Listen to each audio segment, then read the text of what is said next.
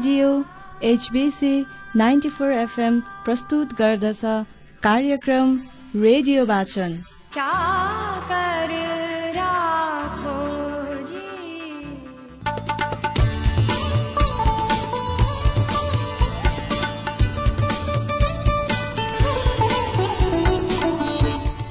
नमस्कार। साप्ताहिक कार्यक्रम रेडियो वाचन लिएर आज पनि प्राविधिक साथी राम श्रेष्ठ र म प्रस्तुता अच्युत घिमिरे उपस्थित भएका छौं।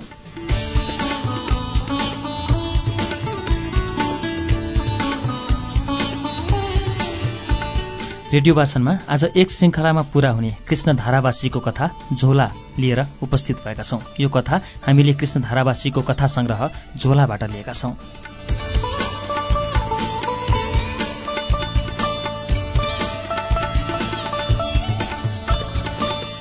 विक्रमसम्म दुई हजार सत्र साल श्रावणमा अमरपुर सात पाँच थरमा जन्मनुभएका कृष्ण धारावासीको वास्तविक नाम कृष्ण प्रसाद भट्टराई हो।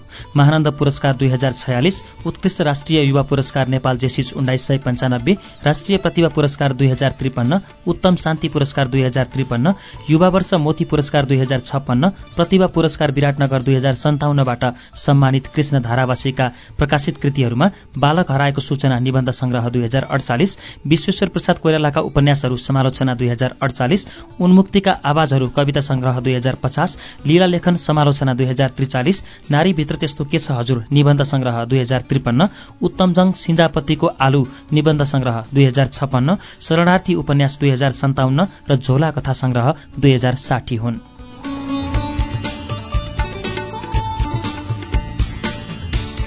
आजको कथा कृष्ण धारावासीको झोला कथा संग्रहको झोला अर्थात् शीर्ष कथा नै प्रस्तुत गर्दैछौ। सो कथा वाचन हुनुभन्दा अगाडि यहाँहरू समक्ष प्रस्तुत छ यो एउटा गीत।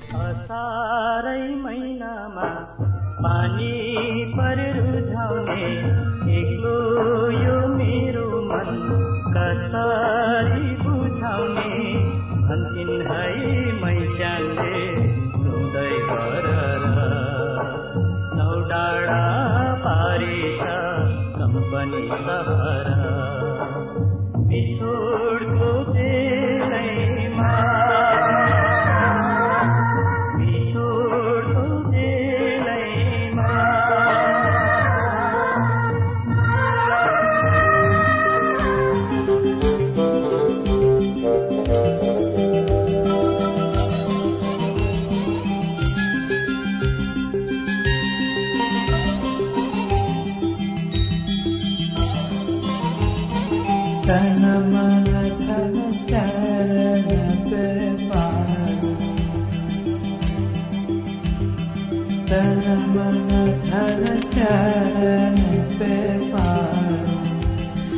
अफिसबाट फर्किँदा साँझ परिसकेको थियो। बाटामा भेट भएका साथीभाइहरूसँग कार्यालयका देशका सरकारका आदि अनेक विषयका परिचर्चा गर्दै सबैसँग औपचारिकताको निर्वाह गर्दै घर आइपुग्दा प्राय सधैँ ढिलै हुने गर्थ्यो।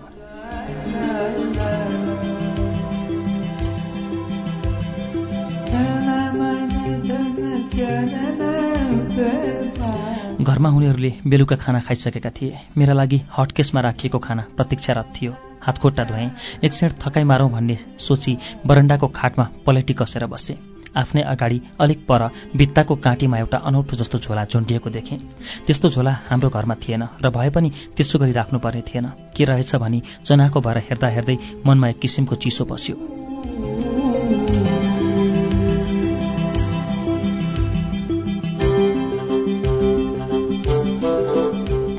हिजो आज देशको अवस्था ठिक छैन। जताततै विभिन्न प्रकारका लुट हत्या बलात्कार जस्ता घटना भइरहेका छन्। त्यस्ता शङ्कास्पद झोलाहरू खतरापूर्ण पनि हुन सक्छन्। मैले सीताजीलाई सोधेँ। उनले भनिन् दिउँसो एकजना साठी पैँसठी वर्ष जतिको बुढो मान्छे आएका थिए। निकै बेर बसे। चिया खाजा दियौँ खाए धारावासी सरलाई भेटौँ भनी सोधखोज गर्दै आएको। मान्छे चिनेको पनि छैन भन्थे। हाम्रै पहाडतिर थियो रे। तिनको हजुरबाको घर पनि पहिला। मणिपुरतिरबाट नेपाल आएको निकै वर्ष भएछ। शरणामतीमा आफन्तहरूको आड भरोसा लिएर बसेका छन् रे। आफ्नो नागरिकता नभएकाले उताबाट कमाएर ल्याएको पैसा बैङ्कमा राख्न पनि पाएनछन् जग्गा किन्न पनि पाएनछन्। आफन्तलाई ब्याजमा चलाउन भनिदिएको तिनले रकम फर्काउने नामै लिँदैनन् रे। पहिले पहिले नागरिकता निकाल्न मद्दत गरौँला पनि भन्थे रे तर अब त राम्रोसँग बोल्न पनि छोडेछन्। जहान बालबच्चाको साह्रै बिजोग भयो खाना लाउन पुग्ने धन लिएर नेपाल पसेको थिएँ भिख माग्ने बनाइदिए हजुर भनेर तुरुकै आँसु खसाले। माथि जयपुरमा एकजना मणिपुरतिरबाट आएका आफन्त रहेछन्। तिनीलाई भेटेर फर्कन्छु भोलिसम्म यो झोला यहीँ रहोस् यो घाममा बोक्न नसक्ने परे भनी त्यहीँ काँटीमा झुन्ड्याएर गएका छन्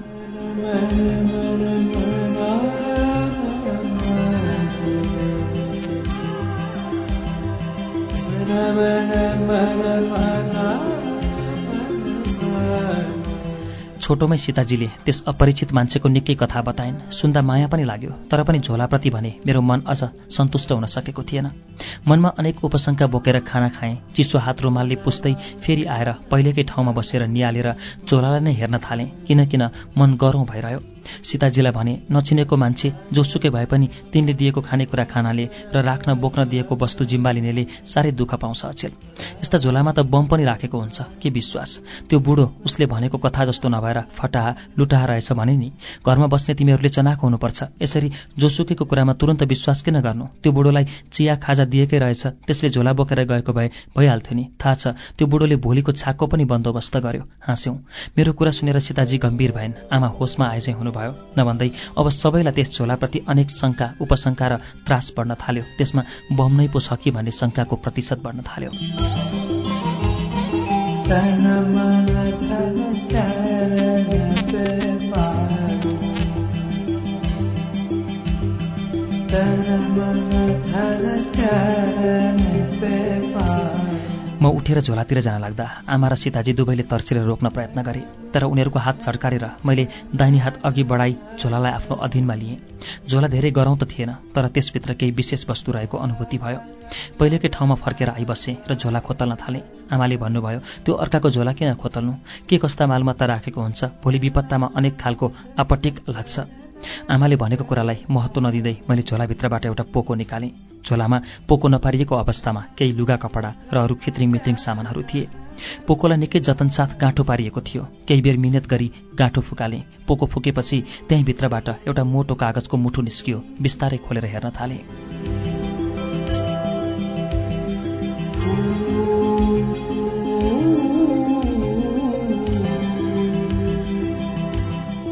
सबै कामधन्दा सकिसकेकाले सबैजना बैठक कोठामा भेला भए। म पनि त्यो झोला र पोकोसहित बैठक कोठामा प्रविष्ट भएँ। टेलिभिजन खुलिसकेको थियो। आमा सीताजी र केटाकेटीहरू टेलिभिजनको अगाडि बसेर निकै क्लाइमेक्समा पुगेको पाकिस्तानी धारावाहिकको आगामी अङ्कको प्रतीक्षामा थिए।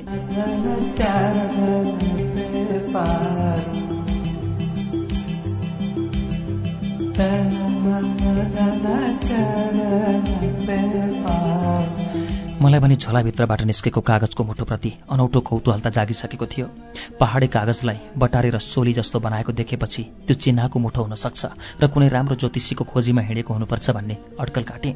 दुःख पाएपछि मान्छेलाई सुखको पक्षमा जेमाथि पनि विश्वास लाग्न थाल्छ बुढालाई पनि ज्योतिषीप्रति विश्वास बढ्न गएको हुनुपर्छ सोचे मैले।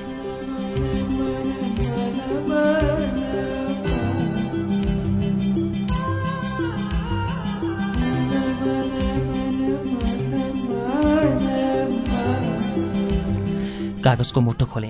पुरानो पहाडे कागजमा बाँसको कलमको मसिदानीमा चोप्दै लेख्दै गरेको मोटो ढ्याब्रे तर राम्रा अक्षर थिए।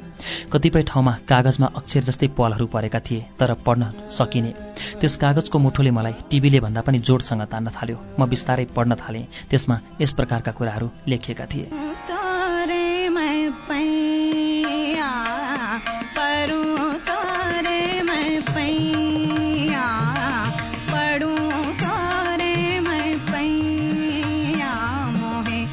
पिताजी वृद्ध भए पनि त्यसबेला मेरी आमाको उमेर सत्ताइस वर्षको मात्र थियो। जेठीपट्टिबाट चार सन्तान भई श्रीमती खसेपछि मेरा पिताजीले आफूभन्दा चालिस वर्ष कान्छी केटी मेरी आमासँग विवाह गर्नुभएको थियो। लोग्ने मान्छेको उमेर नखोज्ने चलनले बालविवाहबाट छोरीहरूको जीवन नारकीय पार्ने जमाना थियो त्यसबेला। म एघार वर्ष भइसक्दा पनि मेरी आमाको कोखमा अरू सन्तान आएनन्। जेठीपट्टिका दाजुहरू जवान जवान थिए। माइला दाजुकै छोरो पनि मभन्दा दुई वर्ष मात्र कान्छो थियो। दाजुहरू सबै छुट्टिएर बसेका थिए। बार पछतैया पर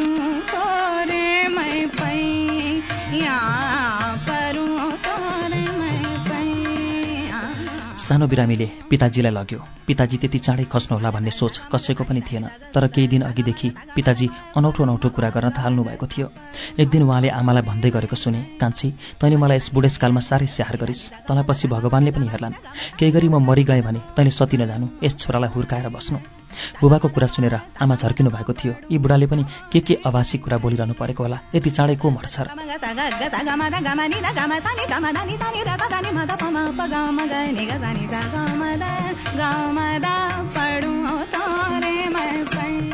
मृत्युको के भरोसा छ र काली? जति बेला पनि मर्न सकिन्छ। तर बुबाको त्यो भनाइले आमालाई भित्र कतै मनमा चिसो पछि जस्तो भएको थियो। म केटाकेटी मलाई खेल्नमै रमाइलो लाग्थ्यो तर मेरा निम्ति पनि कामहरू प्रशस्त छुट्टिएका थिए। मैले बिहानको भात खाएपछि वस्तु चराउन जानु पर्थ्यो। दाजुका छोराहरू छुच्चा थिए। बङ्गालबाट मेरा वस्तुहरू लगारिदिन्थे। जङ्गलमा एक्लै आफ्ना वस्तुहरू डुलाउनु पर्थ्यो।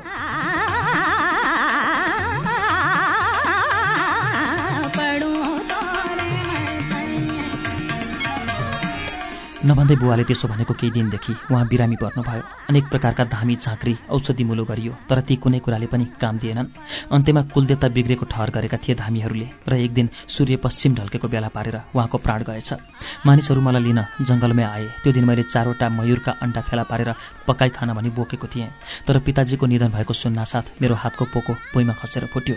अण्डा छ्याल ब्याल भयो शरीर लल्याक लुलुक भएर आयो। अस्ति मात्र पिताजीले आमालाई म मरिगएँ भने तैँले सती नजानु भनेको सम्झेँ। डर लाग्यो। चारैतिर अँध्यारो जस्तो देखेँ मैले।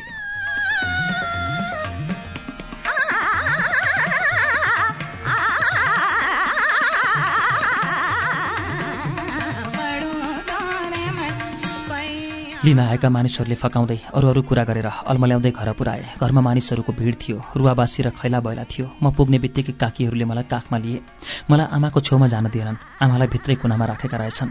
काकीको काखबाट फुत्केर म आमातिर जान खोजेँ तर उनीहरूले मलाई त्यतातिर जानु हुँदैन अब आमालाई छुनु हुँदैन। आमा सती हुनुभयो सतीलाई हामी कसैले छुनु हुँदैन भने। रुँदै मैले भने बुबाले भनेको छ आमालाई सती नहुनु भनेर। आमा सती होइन मेरी आमा सती होइन।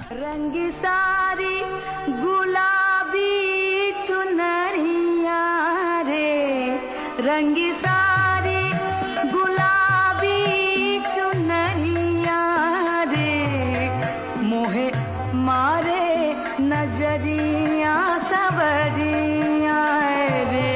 म लडीबुडी गर्न थालेँ। भित्र आमा पनि जोड जोडले रुन थाल्नुभयो। पिताजीको लासलाई घाट लाने तयारी हुन थाल्यो। सँगसँगै आमालाई सती जाने कुरामा प्रेरित गर्दै त्यसको लागि प्रक्रियाको थालनी गर्न थालियो। आमालाई सम्झाउने सती जानुको महत्त्व बुझाउने ज्ञानका कुराहरू बताउनेहरू अघि सरे।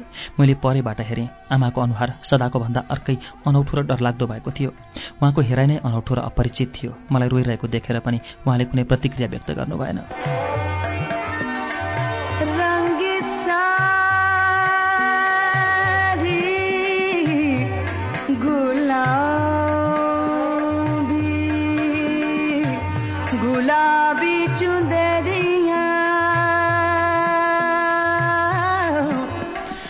आइमाईहरू गाँठो परेर रुन थालेका थिए। भाउजूहरू पनि केही बोल्न सकेका थिएनन्। पुरुषहरू धमाधम नियम पुराई कार्य सक्न व्यस्त देखिन्थे। दिन ढल्दै गएको हुँदा चाँडै तात्तातै घाट पुर्याउनु पर्छ। लासलाई रातभरि राख्नु हुँदैन भन्ने निर्णय निस्किरहेको थियो। त्यहाँ उपस्थित पुरुषहरूको व्यवहार देखेर म छक्क परेको थिएँ। दाजुहरू काकाहरू छिमेकीहरू बाहुनहरू कसैमा पनि त्यो मृत्यु शोकले छुन सकेको थिएन। त्यो घटनामा आज एउटा कालगतिले मरेको वृद्ध पुरुषसँग एक नवयुवतीको शरीर पनि बन्नु थियो तर तिनीहरूलाई छोएको थिएन। संवेदना सहानुभूति मानवता केही पनि अङ्कुरित हुन नसकेको त्यस युगको यो चित्रण गरिरहेको अहिलेको यो क्षणमा पनि म आफू भने झङ्कृत भइरहेको छु।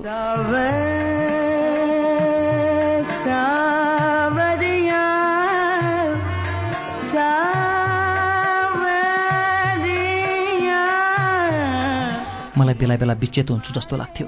एकपल्ट मात्र आमाको काखमा बस्न पाए हुन्थ्यो जस्तो भएको थियो। तर सतीले सांसारिक मोहमायाबाट आफूलाई पूर्ण मुक्त गरी स्वर्गीय पतिको मात्र स्मरण गर्नुपर्ने र मृत्युपछि आफू पनि स्वर्गमा पतिकै साथ पुगिने हुनाले अब यस संसारको मायाजालबाट मुक्त हुन पुरेतहरू प्रेरित गरिरहेका थिए।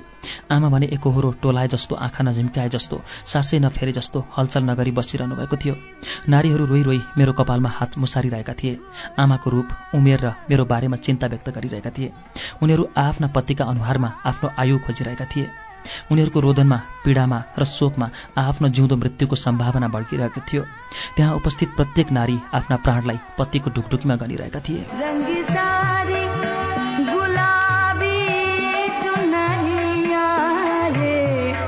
मोहे नजरिया कसैले सती जानु नपर्ने प्रस्ताव ल्याएनन् सती जान्न भनी आमाले पनि कुनै विरोध गर्नु भएन। मैले काकीको काखमा मडारिँदै बुबाले आमालाई भन्नुभएको कुरा भने काकीले मेरो मुख थुन्दै बो अब चुपलाग बाबु यहाँ तिम्रो कुरो कसैले सुन्दैन। देख्दैनौ यहाँ जेठाजुको लासलाई भन्दा पनि सतीलाई हेर्न मानिसहरूको भिड लागेको छ। भोलि आफूले पनि सती जानुपर्ने दृश्य हेर्न नारी अभागीको पनि भिड छ।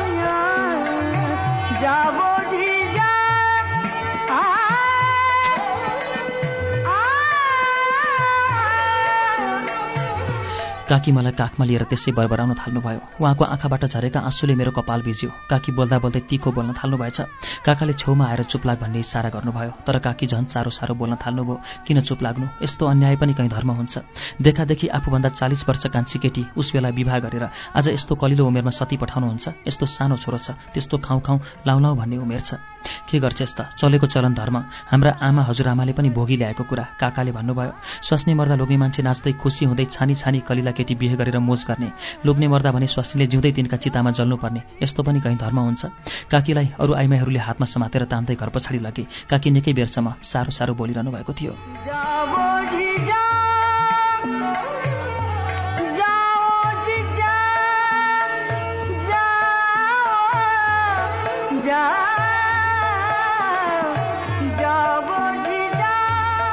आमालाई कता कता पूजा जस्तो गर्न लगाए। शरीरमा भयभरका गहना झिकेर लगाइदिए। बेहुली जस्तै सिँगारेर नयाँ लुगा लगाइदिए। बाजा बज्न थाले एकहोरो शङ्ख पनि बज्न थाल्यो। आमालाई अघि लगाई लासलाई घाटतिर लिएर हिँडे। म रुँदा रुँदा रुन नसक्ने भएको थिएँ। रुन छोडेर ठुलो ठुलो हेर्न थालेँ। दिन क्रमशः अँध्यारो हुँदै गयो। काकीले रोक्दा रोक्दै पनि म ओह्रालो कुदेँ। कसैले भन्दै थियो छोडिदेऊ छोडिदेऊ आफ्ना आमा बाबुको अन्तिम संस्कार हेरोस्।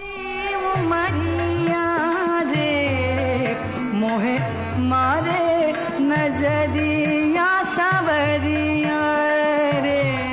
बीच बाटोमा एउटा देवी थान थियो। छेउमै चौतारी पनि थियो। त्यहाँ पुर्याएर लासलाई बिसाए। बाजा बजिरहेको थियो शङ्ख बजिरहेको थियो।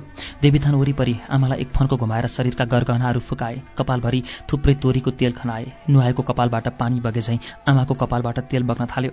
शरीरका सबै लुगाहरू खोलेर नाङ्गी बनाए। ठुला मान्छेहरू त्यसरी नाङ्गो बनेको मैले पहिलोपल्ट देखेँ। तर त्यहाँ आमाको नाङ्गोपनमा कुनै लाज अश्लीलता आदि केही थिएन। लुगा लगाएकै मानिसले झैँ उहाँको इज्जत र सम्मान थियो। एकहोरो शङ्ख बज्न थाल्यो। लासको अघि अघि आमालाई हिँडाउँदै भिड ओह्रालो लाग्यो तमोर नदीतिर। घाटमा पुग्दा घाम पहेँलो हुन लागेको थियो। हतार हतार मानिसहरूले चिता तयार गरे। यता बाहुनले सतीविधिको थालनी गर्दै थिए। आमालाई पूजा कार्यमा व्यस्त गराउँदै थिए। विधि पूरा भएपछि चिताको एक कुनोमा आमालाई पलेटी कस्न लगाई आँखा चिम्लिएर जम्ला हात गर्न अराए आमाको काखमा पिताजीको टाउको राखिदिए।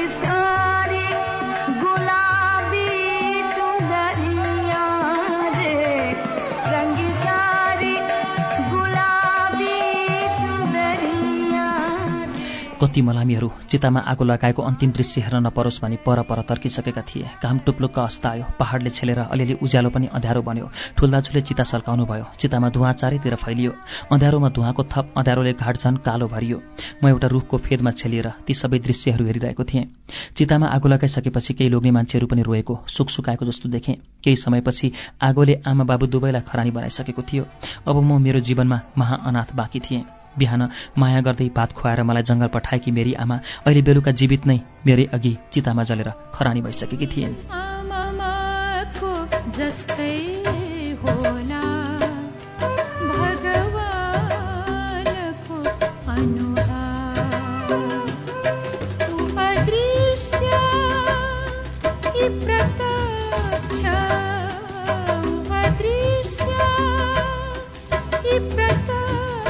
love.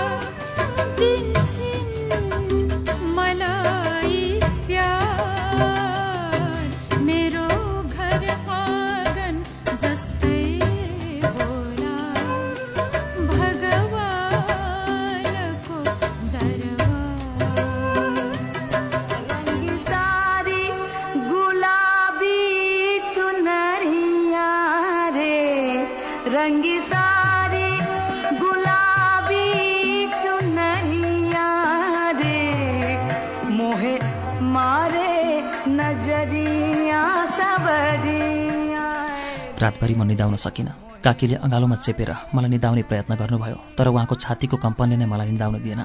छिनछिनमा लामो सास फेर्दै नाकको सेङ्गान पुस्दै घुँका घुँका गरिरहनुभयो। मेरो कपालमा हात राखेर घाँटीमा गाँटो परेको आवाज निकाल्दै भन्नुभयो के गर्छस् नानी? हामी आइमाईको जीवनको केही अर्थ छैन। हामीलाई गाई वस्तु भेडा बाख्रा जतिको सम्पत्ति पनि मान्दैनन्। काम गर्न नसक्ने बुढो गोरु थारो गाईलाई पनि नमारेर बरु बेचिदिन्छन्। तर हामी आइमाईहरूलाई हाम्रो इच्छा विरुद्ध मर्न विवश गर्दैछन्। जिउँदै जलाउँछन् आफूलाई माया गर्ने आफ्नो सुरक्षा दिने लोग्ने मरिसकेपछि बाँचेका अरू मान्छेहरू सबै शत्रु हुँदा रहेछन् प्राणकै शत्रु। गुलाबी चुन्द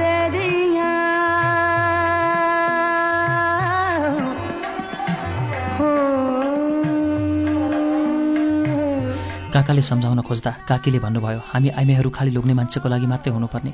लोग्नेले छोड्दा छोडिने परचकले जबरजस्ती हाम्रो इच्छा विरुद्ध घिसारेर लग्यो हात समात्यो भने अर्काले छोएकी भएर आफ्ना लोग्नेबाट त्यागिनुपर्ने।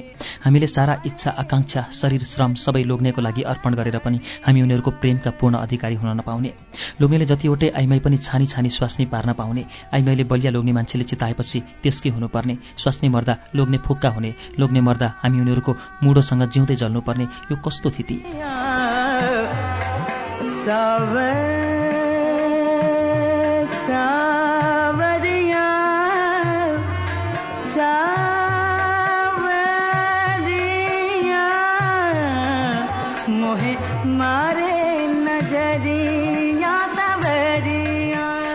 लोग्ने मान्छेले बनाएको कानुनमा आफ्नै आमा स्वास्नी र छोरीको पनि सुरक्षा छैन। आमा स्वास्नी र छोरीहरूलाई जिउँदै जलाएर तिनीहरूको शोक मनाउने कस्तो विधान यो? के यसलाई फेर्न सकिन्न? आज त्यस्तै मेरी छोरीको उमेरकी जेठानीलाई तपाईँहरूले जिउँदै जलाएर आउनुभएको छ। तपाईँले आफ्नो जिउको ख्याल गर्नु भएन भने मैले जति नै जतन गरिराखेको मेरो जिउलाई जिउँदै जलाउनु पर्दैन यो नियममा। हामी आमाहरूले दस महिना गर्भमा बोकेर दस धारा दुध चुसाएर ठुलो बलियो बनाएका तपाईँ छोराहरू कति सजिलो हामीलाई जलाउन सक्नुहुन्छ? के यो संसार लोग्ने मान्छेहरूको लागि मात्रै हो? लोग्ने मान्छेको सुखको लागि मात्रै?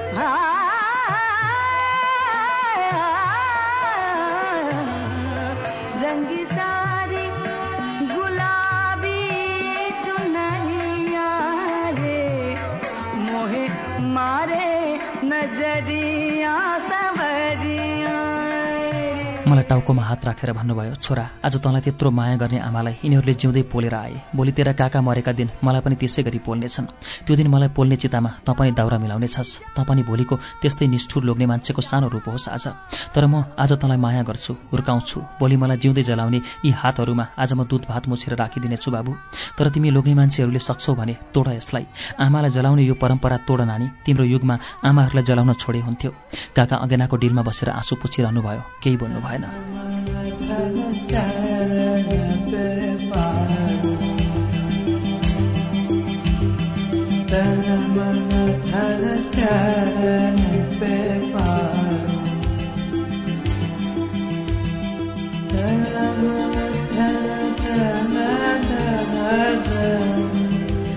तेह्र दिन काजक्रियामा बित्यो। अलिअलि गर्दै रुन बिर्सँदै गए सबैले। काकीहरू भाउजूहरू पनि बिस्तारै शान्त हुँदै गए तर मेरो मनमा भने आगो बलिरहेको थियो। राति सपनामा म सधैँ आमालाई देख्थेँ र आमाले भन्नुहुन्थ्यो नानी काकीले भनेको कुराहरू मान्नु। काकीलाई नै तैँले आमा ठान्नु र काकीले भनेका ती कुराहरू मेरो मनमा बल्झी बल्झी सम्झना भइरहन्थ्यो।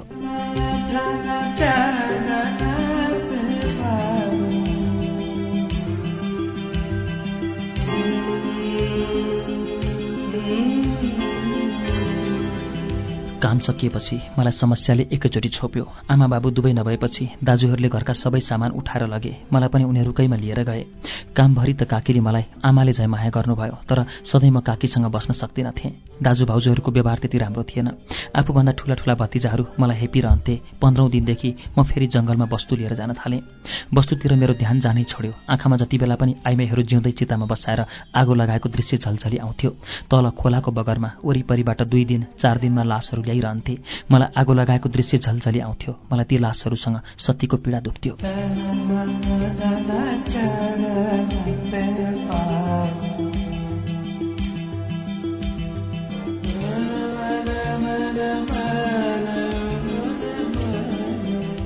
एक दिन जङ्गलमै सास पर्यो। वस्तुहरू अरूका बगालसँग मिसिएर घर पुगेछन्। म भने तिनलाई जङ्गलमा खोज्न थालेँ। खोज्दा खोज्दै पल्लो पाखातिर जान लाग्दा खोल्सोमा एकापट्टि भित्तामा पिल पिल आगो बलेको देखेँ। मनमा चिसो भएर डर पलाएर आयो।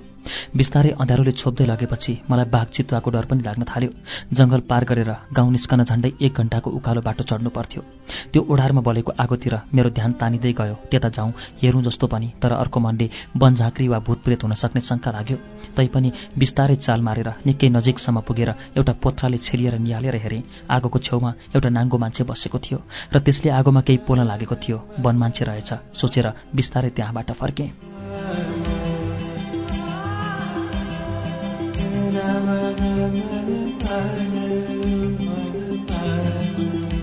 निकै राति घर पुगे। वस्तु हराएको पिर थियो डर पनि थियो तर वस्तु बेलैमा थलोमा पुगेछन्। वस्तु मात्र थलोमा पुगेर र म नपुगेकाले दाजुहरू आत्तिएर मलाई खोज्न हिँड्नलाई राको तयार गर्न लागेका रहेछन्। म पुगेपछि सबै ढुक्क भए मैले वस्तु हराएको र खोज्दा खोज्दै ढिलो भएको वृत्तान्त सुनाएँ।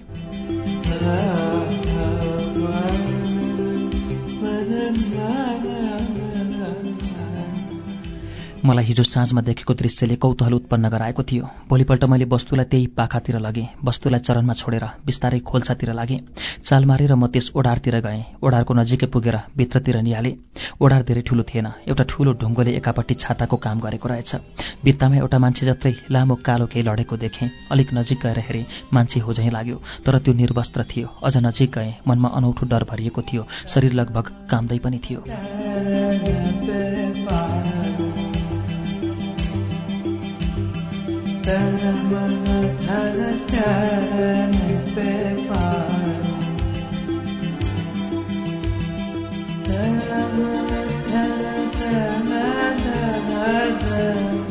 होसियार गर्दा गर्दै पनि टेकेको एउटा ढुङ्गो लड्यो। सुनसानमा एकाएक आवाज आएकोले म पनि तर्चेँ सुतेको त्यो प्राणी पनि जुरुक्कै उठ्यो। देख्न साथमा आत्तिएर चिच्याएँ। म चिच्याएको देखेर त्यो पनि आत्तियो। भाग्न खोजेँ लुटपुटिएर हिँड्न सकिनँ। असहाय भएर त्यही प्राणीलाई हेरिरहेँ र त्यसलाई ट्वाल्ल परेर हेरेको हेरे भएँ। त्यो प्राणी पनि नजिकमा आएर मलाई नै हेरिरहेको थियो। मलाई सपना जस्तो लाग्यो एक क्षण। ऐठन जस्तो पनि भयो तर बिस्तारै होस आएपछि पनि त्यो प्राणी मेरो अगाडि त्यसै गरी टोलाएर बसिरहेको थियो। त्यसलाई हेर्दा हेर्दै मेरा आँखाबाट तुरुरो आँसु बग्न थाल्यो। घाँटी अवरुद्ध भयो बोली आएन।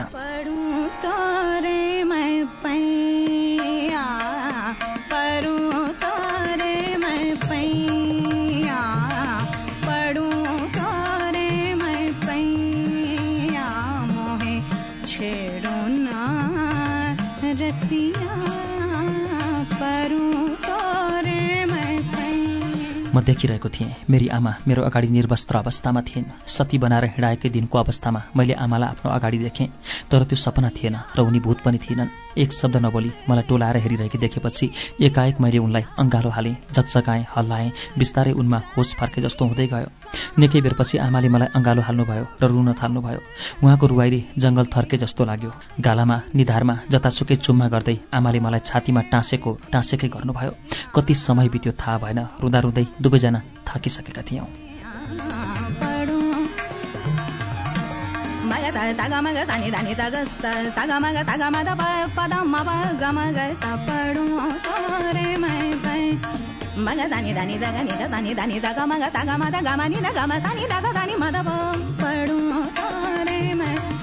अचम्बित हुँदै सोधेँ तपाईँलाई त जिउँदै चितामा जलाएका थिए कसरी बाँच्नुभयो? आमाले भन्नुभयो आगोले धुवाले पोल्न थालेपछि आत्तिएर पानीमा हाम फालेँ। पानीले अलिक तलसम्म बगाएर लग्यो पौडिएर किनारमा निस्केँ। अँध्यारो भइसकेको थियो। माथि बगरमा मलामीहरूले चितालाई घोचिरहेका थिए। खोलाको चिसो पानीले शरीर अररो हुन लागेको थियो।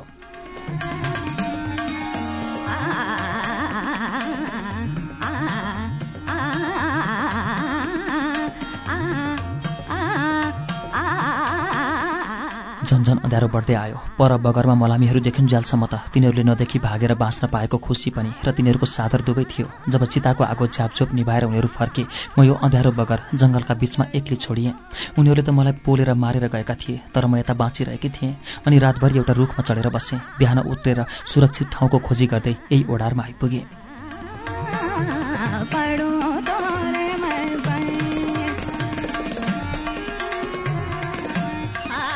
आमाले आफ्ना दुःखको कथाको विस्तार लगाउनुभयो। मेरी आमालाई सग्लेर जिउँदै पाएपछि खुसीको सीमा रहेन तर आमालाई निर्वस्त्र र एक्लै यस्तो घनघोर जङ्गलमा एक्लै छोड्नु पर्दा म फेरि साह्रै व्यथित भएँ। आमाले मलाई यो कुरा कसैलाई भन्दा पनि नभन्नु र अबदेखि यहाँ नआउनु।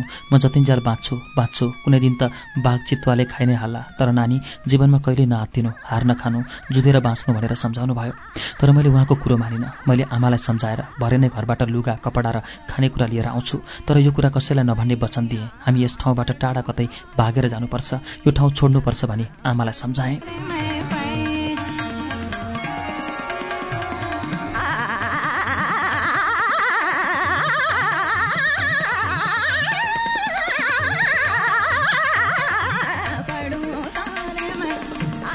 त्यो साँझ मैले बेलैमा वस्तु कोठमा पुऱ्याएँ। वस्तु बाँधेर घाँस साँस हालेपछि म काकाको घरतिर लागेँ। आज उतै बस्छु भनी बताएर म हिँडेँ।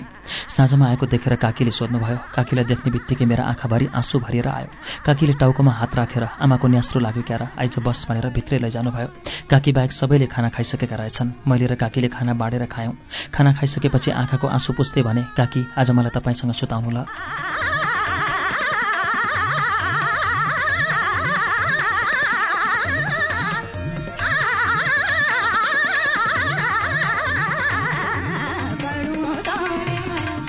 काकीले मायालाग्दो पाराले हेर्नुभयो र देब्री हातले आँखा पुस्दै भन्नुभयो हुन्छ त मसँगै सुत्नु। दिनभरि कामले थाकेकाले होला। सुतेको एक क्षणपछिदेखि नै प्रायः सबैजना निधाएर कुर्न थालिसकेका थिए। काकी पनि निधाइसक्नु भएको थियो। मेरा आँखा भने अँध्यारोमा टुलु टुलु हेरिरहेका थिए। काकीलाई कसरी भनौँ के गरी भनौँ भन्ने कुराले म साह्रै नै छटपटाइरहेँ। काकीले त्यस कुरालाई कसरी लिनुहुने हो भन्ने पनि मनमा पिर थियो। आँट गरेर काकीलाई बिस्तारै बिउजाएँ। बिस्तारै काकीको कानमा साउती गरेर सबै कुरा भने मेरो कुरा सुनिसकेपछि काकी जुरुको उठेर बस्नुभयो बत्ती बाल्नुभयो एक लोटा चिसो पानी पिउनुभयो। उहाँलाई खलखल पसिना आएको थियो लामो लामो सास फेरिरहनु भएको थियो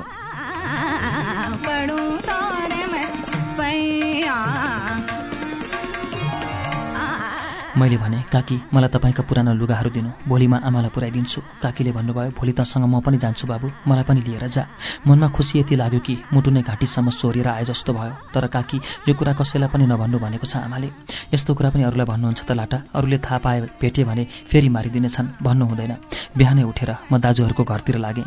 खाना खाएर सदा चाहिँ वस्तु लिएर जङ्गलतिर लागेँ। तल पँधेरोमा काकी पर्खिरहनु भएको थियो। उहाँले एउटा पोको दिँदै भन्नुभयो मैले त्यो ठाउँ देखेकी छु। भरेतिर घाँस काट्न म त्यतितिर आउँछु। आमालामा आउन्जेल पर्खेर बस्नु भन्नु। मैले टाउको हल्लाएँ।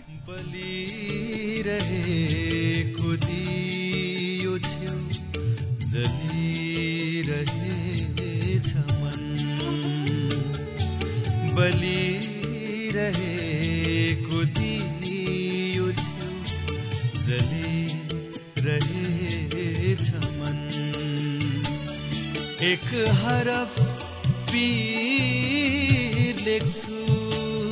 एक हरफ पीर लेख्छु अर्को हरफ जीवन बलिरहेको दियो छु जलिरहेछ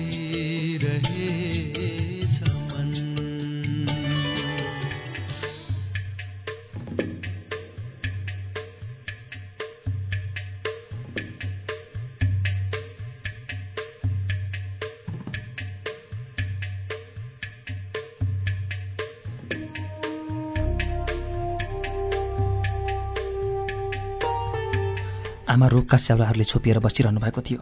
अघिल्लो दिन निर्वस्त्र र विक्षिप्त अवस्थामा भेटिनु भएकी आमा भोलिपल्ट उज्यालो अनुहार भएकी लजालु जस्ती तर गम्भीर शोकले थिचिएकी भएर बसिरहनु भएको थियो।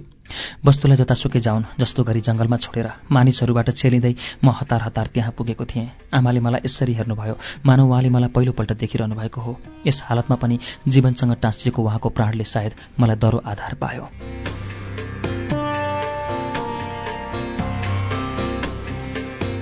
हतार हतार पोको फुकाएर आमाको अघि राखिदिएँ। पोकोभित्र लगाउने गुन्यौ चोलो पटुका ओड्ने मजेत्रो आदि लुगा फाटो र एउटा बटुकोमा बाहिर कपडाले नै बाँधेर खिर पठाएको रहेछ।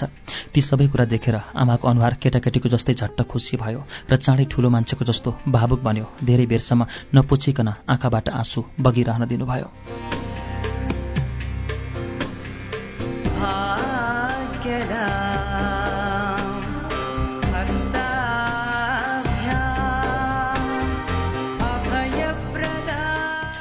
आमाको अवस्था हेर्न सक्ने खालको थिएन। म अर्कोपट्टि फर्किएर तल तमोर नदीको पानीमा उठेका ठूला ठूला भुल्कोहरू हेरिरहन थालेँ। पानीको त्यस बहावसँगै बगेर टाढा धेरै टाढा यस ठाउँका कोही पनि आफन्तले नदेख्ने र नचिन्ने ठाउँमा पुग्न पाए हुन्थ्यो लाग्यो। आमाले पहिला लुगा लगाउनु भयो राम्री उनै आमा देखेँ आँखाले कति दिनदेखिको भोक थियो होला भुँडीमा। पहिला एउटा पातमा अलग्गै खिर मलाई भाग लगाइदिएर खपाखपी खानुभयो हेरिरहेँ उहाँले खाएको। कहिले जीवनमा अन्न खान नपाए चाहिँ खानुभयो कठैभरि मेरी आमा।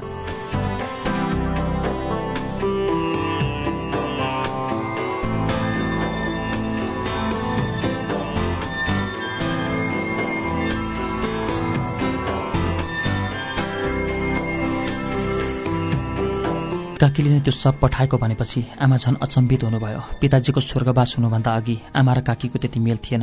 कहिलेकाहीँ ठाकठुक परिरहन्थ्यो। आमा भन्नुहुन्थ्यो आफूभन्दा जेठी जेठी देवरानीहरूसँग खटेर खान नसक्ने भए बरु यस ठाउँबाट टाढा बसाइ जान पाए पनि हुन्थ्यो। बुबा भन्नुहुन्थ्यो आफन्तलाई छोडेर यो बुढेसकालमा त जस्तै कलिली स्वास्नी र बालक छोरा लिएर कहाँ जानु?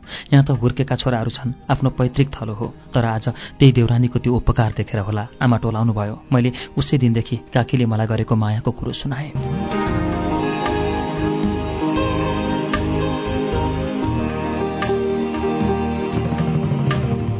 मैले भने आमा अब हामी यस ठाउँबाट टाढा भाग्नुपर्छ परदेश लाग्नुपर्छ। हामीलाई नचिन्ने मान्छेहरू भएका ठाउँमा जानुपर्छ। म अर्काको नोकर बसेर पनि तपाईँलाई पाल्न सक्छु। वस्तु हेर्ने घाँस काट्ने जे काम पनि म गर्न सक्छु। तर आमा तपाईँलाई यस जङ्गलमा वनमान्छे जस्तो अब म एक रात पनि छोड्न सक्दिनँ। केही बोल्नु भएन पर्खेर बसिरहेका थियौँ हामी काकीलाई।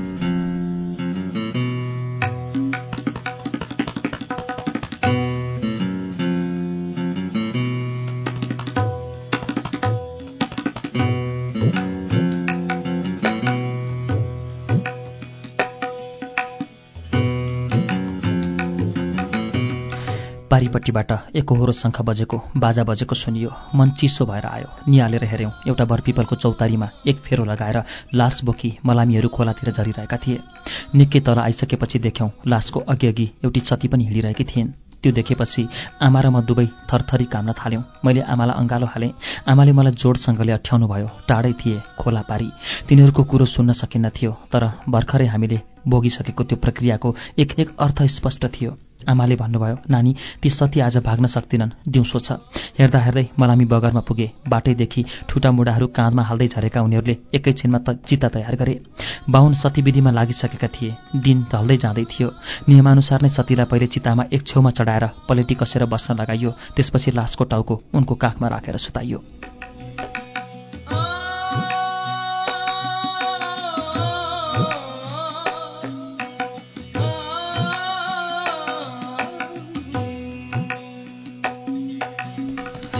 छोरा चाहिने होला। बाबुको मुखमा दागबत्ती दिएर आगो झोस्यो र अलिक पर पुगेर बगरमा पुर्लुक्क ढल्यो। केही मानिसहरूले उठाएर खोलाको पानीमा लगेर चोपले। मलामीहरू अलिक पर गाँठो परेर बसेका थिए। एकैछिनमा उनीहरू जर्याक जुरुक उठेर बगरमा कुद्न थाले। किन तिनीहरू कुदे भनेर निहालेर हेऱ्यौँ। पर बगरमा उदै उदै एउटी निर्वस्त्र कपाल फुकाएकी आइमाई कुदिरहेकी देखियो। अघि कति बेला तिनी चिताबाट हाम फालेर भागेछन्। बेहोस भएको छोरालाई मलामीहरूले स्याहार गर्न लाग्दा सती चिताबाट निस्केर भागेको तिनीहरूले चाल पाएनछन् क्यार।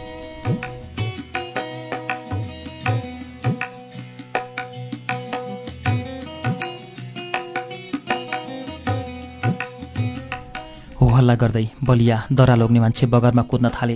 एउटा मान्छेले परबाट एउटा ढुङ्गो हान्यो त्यसले लागेन। त्यसपछि अर्कोले हान्यो। लागेन। निकै नजिक पुगिसकेकोले हान्यो। तिनको ढाडमा लाग्यो। ढुङ्गाको तोडले हुत्तिँदै अलिक पर पुगेर घुँडा टेकिन्। उठ्नै नपाई। अर्को ढुङ्गो उनको टाउकोमा लाग्यो। तैपनि उठेर बालुवामा कुद्न खोजिन्। सकिनन्। त्यसपछि अर्को ढुङ्गोले फेरि टाउकोमा लाग्यो। तिनी बगरमा ढलेर छटपटाउन थालिन्।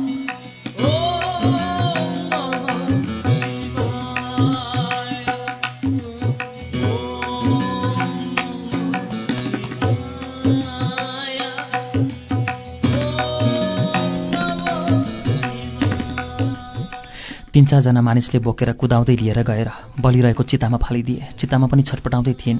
मलाई समातिरहेका आमाका हात लुला भए यसो फर्केर हेरेँ आमा बेहोस भइसक्नु भएको थियो। छेउमै आमाले नै खोस्रिएर बनाएको कुवाबाट एउटा पातमा पानी उकालेर ल्याएँ। मुखमा हातखुट्टामा छर्किदिएँ। केही छिनपछि उहाँले पुलुक्क आँखा हेर्नुभयो।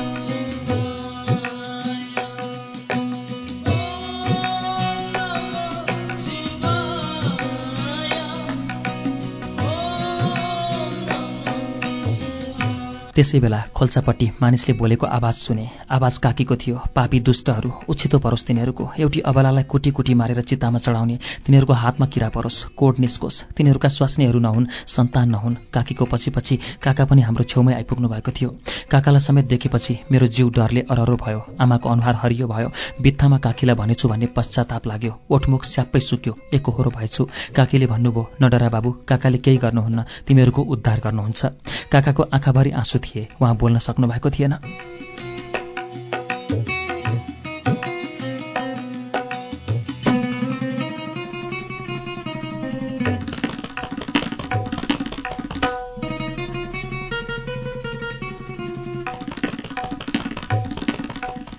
यो नियम हामी दुई चारजनाको बसमा छैन। यसमा दुई चारजनाको व्यक्तिगत दोष मात्र छैन। यसलाई हटाउन सबै एकजुट हुनुपर्छ। स्वास्नीलाई माया गर्ने प्रत्येक लोग्ने मान्छेले आफ्नो मृत्युपछि स्वास्नीको बिजोग नहोस् भन्ने सोच्नुपर्छ। काकी एक्लै बरबराइरहनु भएको थियो। काका छेउमा आएर आमाको खुट्टा ढोग्नुभयो। केही बोल्न सक्नु भएन आमाले भन्नुभयो कान्छी म अभागीको आशिष त के लाग्ला र? तैपनि तिमीले ठूलो गुण लायौ। सुख सुविधा भएको बेला हामी बाझ्यौँ झगडा पनि गऱ्यौँ। तर तिमीभित्र यति राम्रो मन पनि रहेछ। तिम्रो कल्याण होस् चिताएको पुगोस्। पतिभन्दा अगावै तिम्रो मृत्यु होस्। सती बनेर चितामा चढ्नु नपरोस्। तिमीलाई जीवनमा दुःख भन्ने कहिले नहोस्। छोराहरू ज्ञानी बनुन् देउरानी भयौ तर तिमी मेरी आमा नै हौ। पूर्व जन्ममा आमा थियौ अर्को जन्ममा म तिम्री आमा भन्न पाऊँ। यस्तै अनेक कुरा बरबराइरहनु भयो आमा।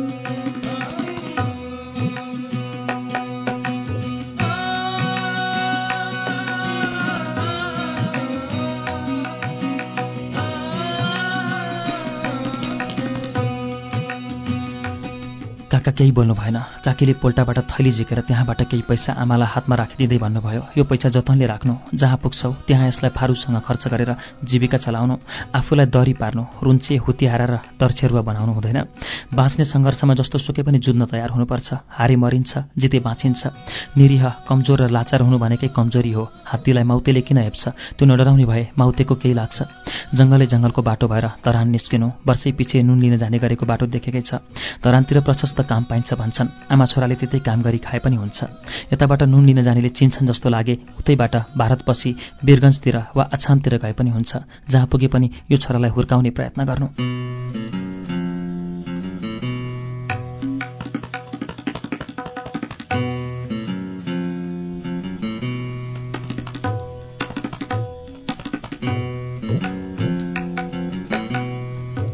अन्त्यमा काकाले भन्नुभयो भाउजू परम्परालाई छोड्न हतपत्त कोही तयार हुँदैन रहेछ। आफ्ना परिवारकालाई सती बनाएकाहरूले अर्काको घरमा मरौ परे जबरजस्ती सती बनाउन खोज्दा रहेछन्। हामीलाई माफ दिनु। मलामीहरू सबैलाई क्षमा दिनु। यो कुरो हामी जोइपोइ बाहेक अरू कसैलाई थाहा छैन। हामी यो कसैलाई भन्ने छैनौँ।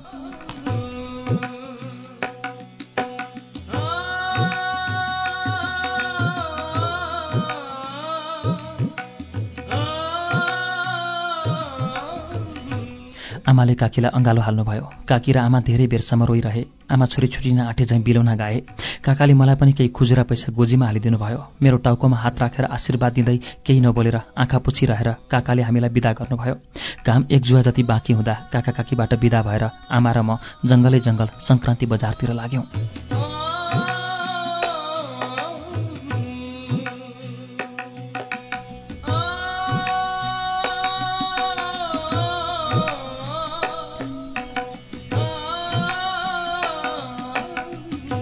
माथि तामाङ गाउँमा पुग्दा ठूलो साँझ परिसकेको थियो। फर्केर हेऱ्यौँ तल दुई पहाडको फेदीमा तमोर नदी सधैँ जस्तै नै ठूलो स्वरले सुसाउँदै आफ्नो पूरा गति लिएर बगिरहेको थियो। एक क्षण पनि नरोकिएर नदी कहीँ पुग्ने हतारले आत्तिँदै दक्षिण ताकेर बगिरहेको थियो। मलाई चन्चो भयो आमाको अनुहारमा पनि नयाँ कान्ति फैलिएको थियो जीवनको।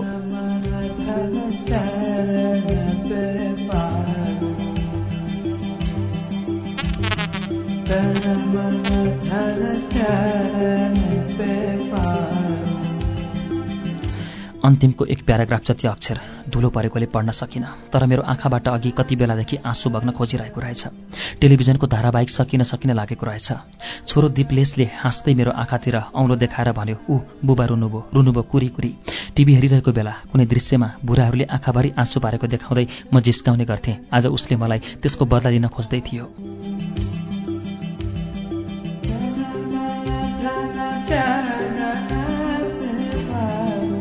साँच्चै नै मेरा आँखाबाट पुर्लुक्क पुर्लुक्क दुई थोपा आँसु झरे। आमा सीताजी लगायत सबै हाँसे। एकछिनपछि आमाले भन्नुभयो तिमीहरूको बाबु केही काम लाग्दैन। साना साना कुरा पनि सहन सक्दैन। छोरो मान्छे भएर कहीँ यस्तो पिलपिली हुन्छन् तर यो सानैदेखि यस्तै हो।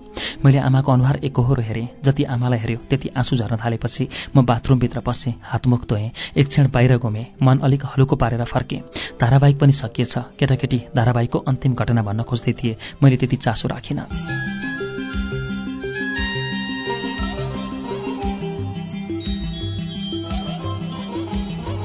ತನ ಮನ ತನ ಚಾರನ ಪಾರು आजको मेरो रुवाई देखेर सीताजी छक्क परिछन्। धेरै बेरसम्म कर गरेर सोधिरहन् तर मैले केही भन्न सकिनँ। एकातिर कोल्टी फर्केर सुतेँ निदाए जस्तो गरेँ तर आधा रातसम्म पनि म बिउजै थिएँ र बिचबिचमा जकाउँदा तर्सँदै बिउजँदै भएँ। बिहान उठ्दा पनि मेरो मन भारी थियो दिन रमाइलो लागेन ठुलै कुराले थिचिरहे जस्तो भयो। सदा बोलिरहने होहल्ला गरिरहने म आफैलाई पनि अचम्म लाग्ने गरी मौन भएँ। बिहान एक दुईपल्ट सीताजीले गुपचुपको बारेमा जिज्ञासा राखिन् केही भन्न सकिनँ।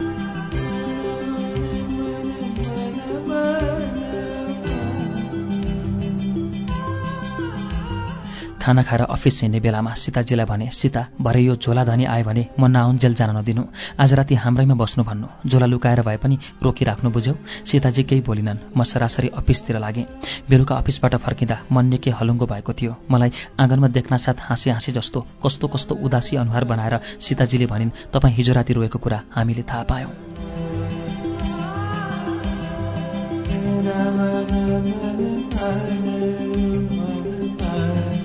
म उनीसँग नबोली सरासर बैठक कोठाभित्र पसेँ। पछि पछि आमा र सीताजी पनि पसे। मैले चुपचाप झोलाबाट फ्रेम गरिएको फोटो निकालेर पृथ्वीनारायण त्रिभुवन महेन्द्र र विश्वेश्वर प्रसाद कोइरालाका बीचमा टाँसिदिएँ। आमा र सीताजीले निकै बेरसम्म फोटो हेरेपछि आमाले सोध्नुभयो नानी यो फोटो कसको हो? किन ती ठुला मान्छेको माझमा टाँसेको?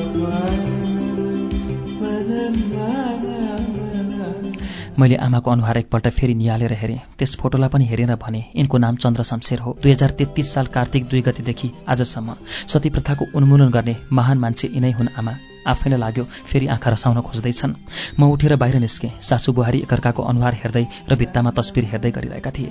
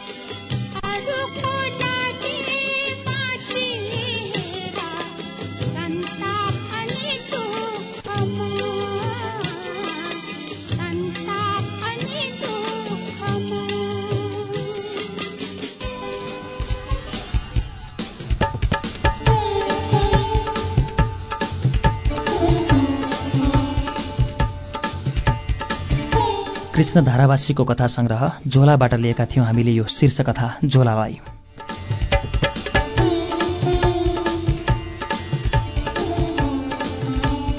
आजको रेडियो वाचनमा हामीले यही झोला कथा वाचन गऱ्यौँ अर्थात् एक श्रृङ्खलामा पुरा हुने यो कथा। यो कथा सङ्ग्रहको भूमिका स्वरूप लेखकले लेख्नु भएको छ। आधा बाटो हुँदै आइपुगे झोलामा शीर्षक दिएर उहाँको लेखनी यस्तो छ।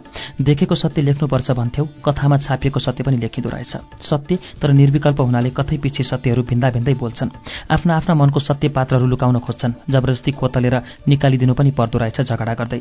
लेखिरहँदा पनि कति पात्रहरूले विरोध गरेका थिए नलेख त्यस्तो व्यक्तिगत कुरा भनी तर पाठकहरूले छेउमै बसेर रमाइलो मानी मानी सुनिरहेका थिए कथा लेखक मार्फत। एक दुईवटा कथा त सीताजीहरूले भान्जीहरूले छोरी बहिनीहरूले मन पराएका पनि थिएनन् तर भाइहरूले भानिजहरूले खुबै मन पराएका पनि थिए। सोचियो सबै मनपर्दो त संसारमा के हुन्छ र? व्यक्तिपिच्छे मनपर्दो नपर्दो जे पनि हुन्छ नै। त्यसैले बाहिर अरूले देख्दा मन नपरे जस्तो भित्रभित्र भने मन पराइसकेका पनि थिए कति पाठकहरूले लेखिरहेकै बेला। त्यसैले छापियो यस्तै कथाहरू।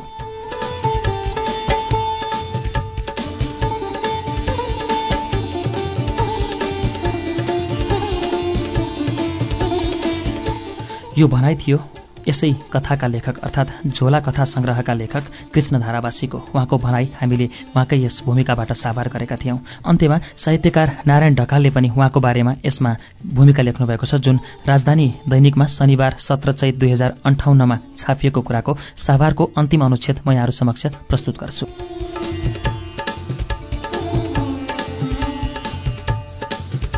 धारावासी पनि झापाको माटोमा उभिएर एकसाथै कार्य सम्पादन गर्दै हुनुहुन्छ। सक्रिय निरन्तरता र गम्भीर रचना कर्म जीवनलाई नयाँ ढङ्गबाट हेर्ने लीला लेखनको अनुसन्धान पद्धतिलाई उहाँले जोखिमपूर्वक आत्मसात गर्नुभएको छ।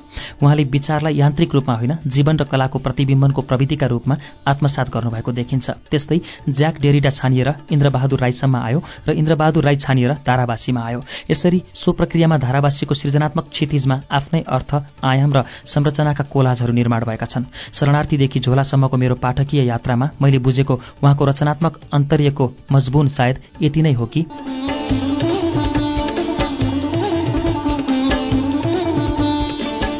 यस्तै रह्यो आजको रेडियो वाचन। अब अर्को साता फेरि अर्को कुनै गद्दी लिएर वाचन गर्ने बाचाका साथ आजको कार्यक्रम रेडियो वाचनबाट प्राविधिक साथी राम श्रेष्ठ र म प्रस्तोता अच्युत घिमिरेलाई पनि बिदा दिनुहोस्। नमस्कार। कार्यक्रम रेडियो वाचन।